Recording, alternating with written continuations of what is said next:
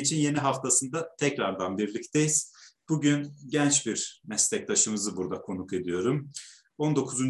yüzyıl seyyahlarının gözünden Batı Anadolu'da Ermeniler kitabının yazarı Cengiz Ergün e, çalışması Lejant yayınlarından çıktı, okurla buluştu. Ben öncelikle programa katılımı kabul ettiği için huzurlarınızda kendisine çok teşekkür ediyorum. Hoş geldin değerli Cengiz. Ben teşekkür ederim nazik davetiniz için. Sağ olun. Eyvallah. Şimdi e, aslında Türkiye'de Ermeni de, denildiği zaman e, hep böyle siyasi sahiplerden e, bahsedilir, öyle anlaşılır. Belki bunu da soracağım. Ama ben ilk olarak e, bu çalışmanın hikayesini merak ediyorum. Yani neye istinaden e, böyle bir çalışmayı kaleme aldım ve Batı Anadolu özellikle. Evet. Şimdi e, çalışmam esasında Ege Üniversitesi Tarih Bölümünde yayınlanmış bir yüksek lisans tezi. Danışmanımla yerel tarih araştırmalarına göz atarken özellikle Batı Anadolu için Rum ve Yahudiler üzerine, Yahudi azınlık üzerine bir çalışmanın özellikle yani çalışmaların olduğunu fark ettik. Ermenilerin daha göz ardı edildiğini ya da araştırmalarda dipnotlarda bir paragrafla geçildiğini fark ettik. İzmir özellikle Batı Anadolu bildiğiniz üzere Osmanlı İmparatorluğu'nda ihracat limanının olduğu çok önemli bir ticaret merkezi. E, yüzyıllardır Ermenilerde ticaretle anıldığı için Ermenilerin bu bölgede özellikle göz ardı edilmiş olması e, bize çok mantıklı gelmedi. Biz de bir şeyler yapabilir miyiz diye düşündük. E, bu bağlamda da tezimizin konusunu Batı Anadolu Ermenileri olarak almak istedik. Yani çalışmamızın temeli esasında bu. Bu şekilde ortaya çıktı.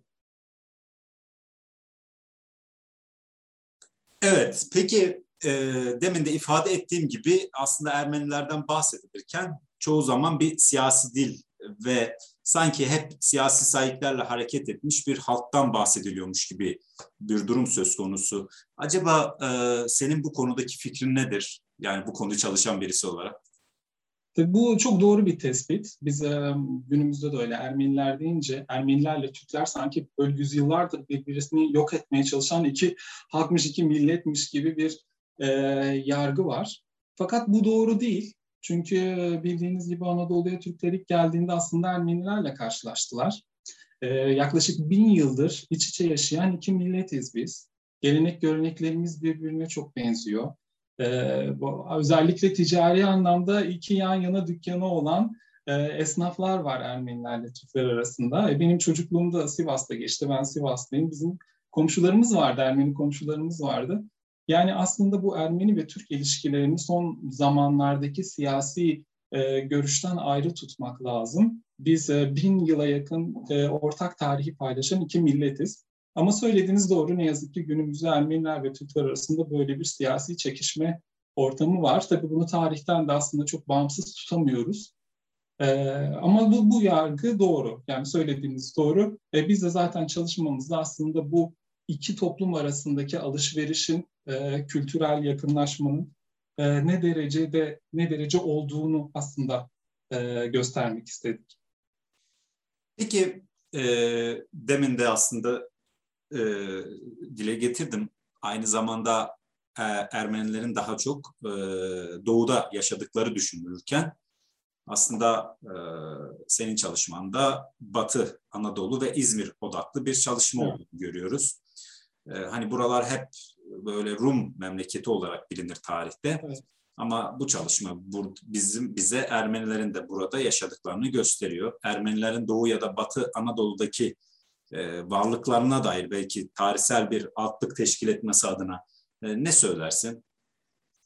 Şöyle e, do, aslında doğru Ermeniler yoğunluklu olarak doğuda yaşamışlar. Fakat e, yani Ermenilerin esasında hani kim olduklarına dair, niçin doğuda yaşadıklarına dair üzerinde çok e, fikir birliğine varılmış bir görüşte yok. Bu Ermeni tarihçiler arasında da yok. Kimi Ermeni tarihçi diyor ki işte Ermenilerin kökeni aslında Balkanlardır. Balkanlardan Anadolu'ya göç etmişlerdir.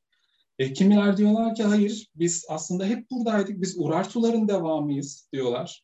E, özellikle biliyorsunuz Ermenice Hint-Avrupa e, dil kolunun bir ailesidir. Fakat özerk bir ailesidir. Yani çok fazla diğer dillerle çok bağlantısı olmayan bir e, dildir Ermenice. Bu bağlamda diyorlar ki biz yani belki Farslardan da hani e, türemiş bir topluluk olabiliriz. Ama bana sorarsanız aslında bunların hepsi çünkü Anadolu bildiğiniz gibi yüzyıllar boyunca sürekli göç almış, göç vermiş, aslında kaynayan bir nokta. Dolayısıyla Ermeniler arasında kesin şudur demek mümkün değil. E, tarihsel geçmişe baktığımızda da Homeros aslında tarihçilerin, tarihçiliğin babası olarak bilinir. O da diyor ki Ermeniler aslında Friglerin bir koludur. Hı. Anadolu'da koloni, kolonicilik yapmışlardır diyorlar. E şimdi genetik çalışmaları aslında çok e, öne çıkmaya başladı. Genetik yatkınlık, e, birbirleriyle olan ilişkiler, toplumların bunlar üzerinde çok çalışmalar var. Dolayısıyla tek bir sonuca varmak mümkün değil. E, fakat e, yine de diyebiliriz ki hani genel yargı Ermenilerin esasında Balkanlardan göç eden bir kavim olduğu, burada yerleşip Urartuların son dönemlerinde kaynaştıkları, onlardan etkilendikleri e, bir topluluk, bir millet olduklarıdır. Yani bunu söyleyebiliriz. Batı Anadolu'daki Ermenileri e, soracak olursanız da esasında e, Kilikya Ermeni Krallığı'nın yani Toroslardan bu Moğollar sonrasında yıkılan Kilike Ermeni Krallığı sonrasında batıya yoğun bir Ermeni göçü var. Batı Anadolu'daki ilk varlıklardan da aslında bu Kilike Ermeni Krallığı'nın yıkılması sonrası batıya olan göçler sonucunda e, böyle bir kayda değer Ermeni varlığından söz edebiliyoruz. Yani ilk aslında Batı Anadolu'daki Ermeni varlığı bu şekilde. Peki çalışmanın aslında birinci bölümü e, mürür tezkireleriyle başlıyor. Evet aslında e, seyyahlardan bahsederken ya da Osmanlı mülkünde bir seyahatten bahsederken e, önemli belgeler bunlar. Bunların e, işte 19. yüzyılda başlayan bir uygulama olduğunu görüyoruz. Ve buradan hareketle bu mürür tezkireleri nedir ve e, devlet bunun aslında neyi amaçlıyor? Bunun gerekçeleri ne dair ne söylersin? Şimdi e, tabii kitabın başlığı ve tezin konusu e, seyyahların gözünden Ermeniler olduğu için dolayısıyla bu seyyahlar e, bu coğrafyaya gelirken nasıl badireler atlattılar, ne şekilde yani ellerini kollayarak, ellerini kollarını sallayarak gelemiyorlardı. E, bir izin almaları gerekiyordu. Günümüzde pasaportun bir türevleri olan izinler bunlar, mürür tezkereleri. Bu mürür tezkereleri aslında 19. yüzyılda söylediğiniz gibi sisteme bağlanmış bir uygulama. Aslında bundan öncesinde de yani Fatih dönemine kadar giden hareketlerin kontrolü meselesi var. Hı hı. Elimizdeki mürür tezkeresi yani şu anda bulunan tabii bundan daha eskisi de çıkabilir. E, Fatih döneminde Venedikli bir tüccar olan Franco Bovanic isimli bir kişinin e, Osmanlı topraklarına seyahati ve e, bu seyahat için padişahtan izin ve koruma istemesine dair verilen bir müstah. Aslında bir kağıt. Yani bu mürür tezkerelerinin bizdeki en eski örnekleri bunlar. Fakat tabii e, Avrupa'ya baktığımızda ilk düzenli pasaport ve e, bu seyahat belgesi düzenlemenin 1543 yılında e, Prusya Krallığı olarak da bilinen aslında Brandenburg Dukalığı olan ee, ilk Almanca'da da zaten pas demektir pasaport bilirsiniz belki. Hı hı. İlk uygulamalar aslında Prusya'da Avrupa'da başlıyor. Dolayısıyla bu mürür tezkereleri peki yani seyahat belgeleri niçin gerekliydi diye sorarsanız özellikle bu coğrafi keşifler sonrası zenginleşen ve iş gücü ihtiyacı ortaya çıkan e, Avrupa'da bu iş güçsüz insanların, serserilerin, efendime söyleyeyim e, diğer bir takım kimselerin, e, seyyahların toplumca bir e, tehlike arz ettiğini düşünmeleri, yani toplumun yapısını bozabileceğine dair bir düşünce olması ve bunların kontrolünün engellenmesine dair e, bir belge, bir düzenleme. Osmanlı'da da öncesinde yol hükmü olarak geçiyor bu belgeler. Fakat 19. yüzyılda daha sisteme bağlanıyor ve mürür tezkereleri adı altında bir pasaport, iç pasaport uygulaması olarak düzenlemeye giriyor. Peki e, seyyahlara geçtik. E, işte çalışmanın ana omurgası zaten burası. Evet. Biz aslında 19. E, yüzyıldaki seyyahlara e, odaklanılsa da bu çalışmada e, bu seyyahların Anadolu'ya 19. yüzyıldan önce de geldiklerini biliyoruz. Buna dair genel bir çerçeve çizersek ne söylemek istersin? Ee, tabii yani hem 19. yüzyılda hem de öncesinde gelen yani 17. yüzyıldan itibaren ben çalışmamda gelen seyyahlardan değinmeye başladım. Bunun bir nedeni hem e, toplumun yani hem Osmanlı içindeki milletlerin e, diğer yüzyıllar, yüzyıllardaki gelişimi hakkında bir karşılaştırma yapabilmek hem de gelen kişilerin profilleri hakkında e, bir bilgi sağlayabilmek okuyucuya. örneğin 17. 18. yüzyılda Polonyalı Simeon gibi daha çok işte din adamları, misyonerler bu Doğu Avrupa'daki ünlü yedi kiliseyi ziyaret etmek ve hacı olmak için geliyorlar. Biliyor, muhtemelen biliyorsunuzdur. Batı Hristiyanları için Doğu Hristiyanları her zaman bir merak konusudur. Hı hı. dolayısıyla sık sık ziyaret ederler ve bir ön yargıyla da geliyorlar. Bu, bu ön yargı da sadece Türklere, Müslümanlara özgü bir ön yargı değil. Ermenilere, Rumlara, Yahudilere dair de ön yargılar var. Ee, işte Ermenilerin sahtekar olduğundan, Rumların işte tembel olduğundan, Türklerin kibirliliğinden, Yahudilerin pisliğinden tüm tüm bu ön yargıyla geliyorlar. Çalışmamızda da zaten hem bu ön yargıların değişip değişmediğine hem de toplumsal gelişim açısından, demografik yapıdan, e, bu gelişmeden aşamalardan bahsetme gereği duyduk. Peki e, Batı Anadolu ve İzmir'i gezen, yani bu çalışmanın kapsamını aldığınız, bu alanları gezen batılı seyyahlardan bahsedersek, bu seyyahlar hani kimdi? Belirli baş, yani bunların içinde sivrilen tipler var mıydı ve seyahat dışında da e, özel bir amaçları var mıydı? Yani bir istihbarat ya da fa- farklı bir çalışma bundan bahsedebilir miyiz? Tabii mesela önceki dönemlerde daha çok botanikçilerin de geldiğini görüyoruz. Hı hı. E, din adamları bahsetmiştim. Theodor Fliedner, Ludwig Ross gibi araştırmacılar geliyorlar. Örneğin Ludwig Ross 1800'lü yıllarda geliyor ama çok büyük ön yargıları var. Hem Türklere hem işte diğer yani Doğu, Doğu'da yaşayan milletlere karşı bir ön yargısı var. Ama ayrılırken bu ön yargının biraz daha kırıldığını görüyoruz yazılarından. Tabi sadece din adamları ve e, misyonerler değil, aynı zamanda tüccarlar da geliyorlar ticaret yapmak için. Hı hı. Tüm bunların yanında e, Gustave Flaubert, Maxime Duchamp gibi ünlü Fransız edebiyatçılar da geliyorlar, yazarlar da geliyorlar. Tamamen e, heyecan olsun diye, tamamen doğuyu görmek için e, gelenler de var. E, ama tabii bununla ilgili bu, bu yazarlar arasında yani bu seyyahlar arasında hani e, temel ne onları özde birleştiren ne derseniz e, güçlü bir ön yargıyla gelmeleri e, ve çoğunda bu ön yargının aslında kırılmış olması e, bizim için bizim çalışmamızda dikkate değer e, bir konuydu. Peki mesele Ermeniler olunca e, bu seyyahların e, Ermenilerin gündelik yaşamına dair bize ne gibi e, şüphesiz önemli bilgiler veriyorlar. Bunlar içerisine kategorize edersek ve ilginçliği üzerinden gidersek e, ne gibi ilginç bilgiler veriyorlar? E, şimdi gelen seyyahların hepsi özellikle İzmir ve çevresi için e, bir özgürlükten ve refah ortamından bahsediyorlar. Yani örneğin Franklerin, Frank tüccarların özellikle İzmir'de bir Avrupa kentine kıyasla çok daha refah yaşadığından, işte e, eğlence geceleri düzenlendiğinden, bu gecelerde Rum ve Ermeni kadınlarının çılgınca dans ettiğinden, üstelik ara ara İzmir paşalarının da bu davetleri icap ettiğinden bahsediyorlar. E, bununla beraber e, Ermeni ve Frank mahallelerinin yaşadığı yerlerin Müslüman ve Yahudilere kıyasla daha temiz olduğundan, daha geniş caddelere sahip olduğundan ve evlerin daha gösterişli, daha zengin göründüğünden bahsediyorlar. Tabii tüm bunlardan Rumların ve Ermenilerin aslında İzmir, özellikle İzmir ve çevresindeki e, diğer halklara göre, milletlere göre daha zengin ve daha e, rahat yaşam koşullarına sahip olduğunu çıkarabiliyoruz.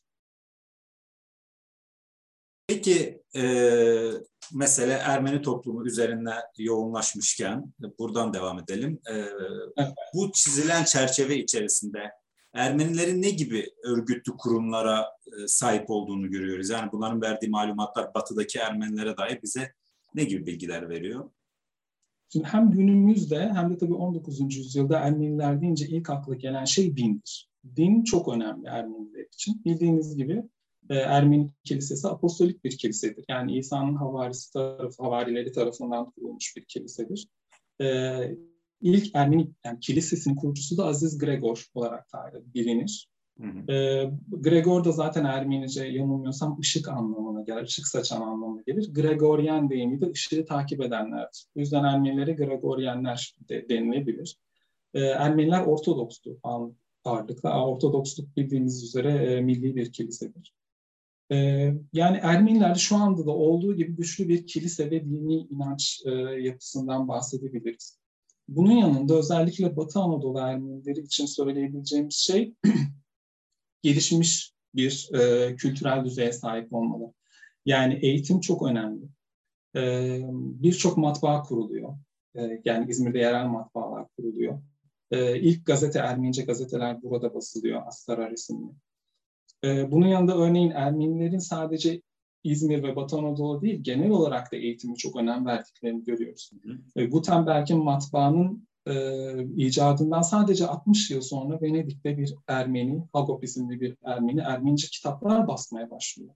Hı hı. E, bunun yanında İzmir'de örneğin e, Shakespeare'in oyunları çevriliyor.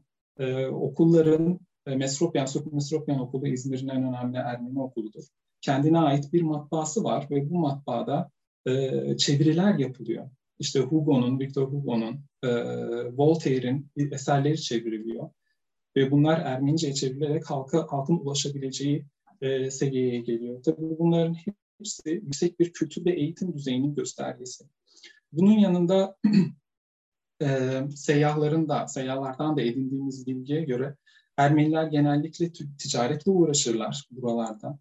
E, İzmir'deki hukuk işlerine, avukatlara daha çok en önemlileri Ermenilerdir.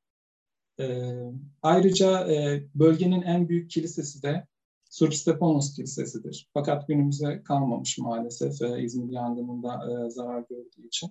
Fakat şu an e, Menemen'de bir kilise var. Surp Sarkis Kilisesi. Ben e, gidip görme fırsatı buldum. Fakat ne yazık ki restore edilmeyi bekliyor. E, taraf bir vaziyette. Umarım onu da restore edip e, kültürel değerlerimize katarız. Peki e, Ermenilerden bahsedersek, toplumdan bahsettik. Biraz da belki her toplumun içinde olduğu gibi böyle ilginç e, bir mizaha sahip olan e, kişiler, karakterler olabiliyor. Acaba batıdaki Ermeniler içerisinde çalışmalarıyla sivrilen bu gibi kişilerden bahsedebilir miyiz? Yani bu şeylerin, seyyahların verdiği bilgiler üzerinden. Tabii. Şimdi e, seyyahlar açıkçası çok fazla e, bu şeyler adından bahsetmiyorlar. Yine İzmir'in en e, işte İzmir ve çevresinin en ünlü Ermenileri kimlerdir diye bir bahis yok. Hı hı. Fakat e, tabii İzmir Ermenilerinin yüksek eğitim seviyesinden bahsettikleri için doğal olarak biz de eğitimciler kimler, hı hı. matbaa sahipleri kimler bunları araştırdık. Bunlarda ilk karşımıza çıkan da Ermeniler arasında Ermeni Rönesansı olarak tanımlanan, Ermenilerin kültürel, dil, bilimsel ayrım, aydınlanması olarak tanımlayabileceğimiz e, bir döneme damgasını vurmuş olan Mateos Mamuryan isimli e, bir eğitimci, filolog var. Bu kişi çok önemli. E, edebi anlamda da çok önemli çünkü sayısız çevirisi var. Ayrıca bir eğitimci ve bir sözü var. Bir dili kurtar yani bir milleti kurtaracak yegane şey o milletin dilidir, edebiyatıdır. E, bu sözüyle zaten Ermeni Rönesansı'nın e, kurucusu ve onun temsilcisi olarak kabul ediliyor. İzmir Ermenilerinin yani daha doğrusu Batı Anadolu Ermenilerinin sanatta da çok yüksek bir e, verimliliğe uğraş, ulaştığı gözümüze çarpıyor. Örneğin Solomon Solomosyan var, şey Solomon e, Solomonyan var, e, Urkomitas Vartabet olarak da bilinir. E, Kütahya doğumlu, e, aslında bir e, din adamıdır, keşiş. Ee, peki bu kişinin özelliği ne? Anadolu'yu dolaşıp halk ezgilerini, Kürtçe, Ermenice ve Türkçe halk ezgilerini notalaştıran ve tekrar e, geri döndüğünde de binlerce e, şarkılık bir halk arşivi oluşturan bir kişi. E, bunun yanında tabii birçok hem e, matbaacı, matbaa sahibi olan ünlü Ermeniler var, tüccarlar var. Stepan Elmas var, örneğin Fransız Liszt'in öğrencisidir, çok ünlü bir piyanocu. piyanocu. Bunlar ilk yani göze çarpan isimler. Peki son soru olarak belki de kitabın da son bölümü olması hasebiyle batıdaki Ermenilerin neden olduğu asayiş problemlerinden bahsediyorsun. Yine bunlardan kategorik olarak bahsedersek içlerinde ilginç örnekler var mıdır? Tabii şimdi neden asayiş konusuna değindik onu da söyleyeyim. Hı hı. 19. yüzyılın özellikle ikinci yarısı hatta son çeyreği e, doğuda sistemli bir Ermeni ayaklanması olduğunu görüyoruz. Yani bir başkaldırı olduğunu görüyoruz. Hatta bu da ilk Batman'da e, ortaya çıkıyor. Sason ayaklanması olarak geçer. Tabii bu dönemde e, batıda ne oluyordu? Yani batıda da bu ayaklanmanın etkileri var mıydı? Bunlara da bir göz atmak istedim. Batıdaki Ermenilerin neden olduğu asayiş sorunları daha çok silah kaçakçılığı, insan kaçakçılığı, suikast düzenleme, bomba, bombalı saldırı gibi e, konular. Fakat çok fazla göze çarpan bir e, olay yok. Daha çok e, stoklanmış silahların ele geçirilmesi gibi arşiv belgelerine ulaştık. Hı hı.